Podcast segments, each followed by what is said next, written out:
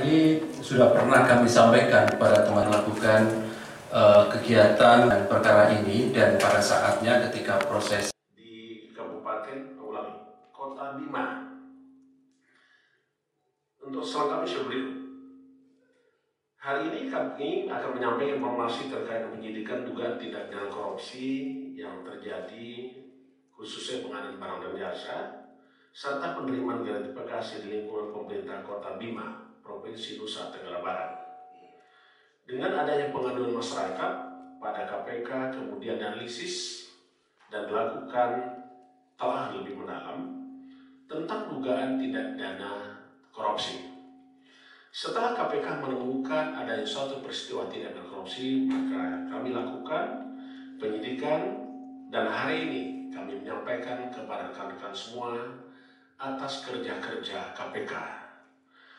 Dan pada malam hari ini kami menetapkan ada satu orang tersangka atas nama MLI Wali Kota Bima periode 2018-2023. Untuk prosesnya, kepentingan penyidikan dilakukan penahanan pertama pada tersangka MLI selama 20 hari pertama mulai dari tanggal 5 Oktober sampai dengan 24 Oktober 2003 yang pelaksanaan penahanan dilaksanakan di Rumah Tahanan Negara KPK. Adapun instruksi perkara diduga telah terjadi tindak pidana. Pertama adalah MLI menjabat wali kota Bima pada periode 2018-2023 berdasarkan keputusan Menteri Dalam Negeri Sekitar tahun 2019, MLI bersama dengan salah satu keluarga intinya mulai mengkondisikan proyek-proyek yang akan dikerjakan oleh pemerintah kota Bima. Tahap awal pengkondisian dengan meminta dokumen berbagai proyek yang akan dikerjakan di berbagai dinas kabupaten kota Bima, antara lain Dinas Pekerjaan Umum dan Penataan Ruang, dan Badan Badan Penanggulangan Bencana Daerah Pemerintah Kota Bima. Selanjutnya, MLI memerintahkan beberapa pejabat di Dinas PPR dan BPBD Pemerintah Kota Bima untuk menyusun berbagai proyek yang memiliki nilai anggaran besar dan proses penyusunan dilakukan di rumah dinas jabatan wali kota Bima.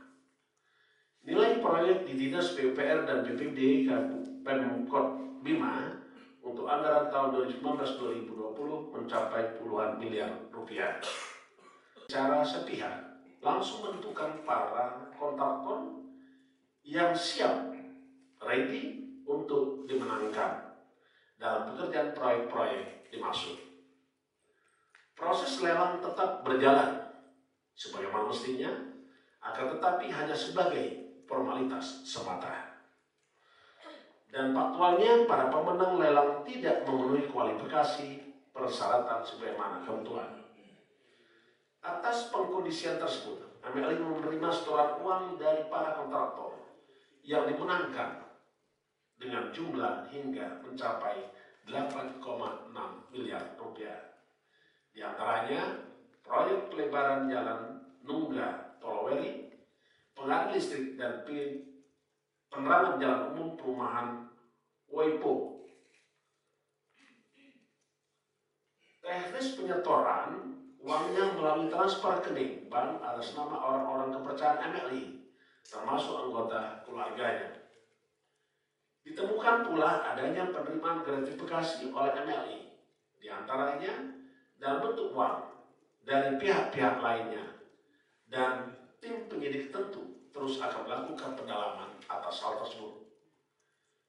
Tersangka disangkakan melanggar pasal 12 huruf I dan atau pasal 12 huruf I besar Undang-Undang Indonesia nomor 31 tahun 1999 tentang pemberantasan tindak pidana korupsi sebagaimana telah diubah dengan Undang-Undang nomor 20 tahun 2001 tentang perubahan atas Undang-Undang Republik Indonesia nomor 31 tahun 99 tentang pemberantasan tindak pidana korupsi.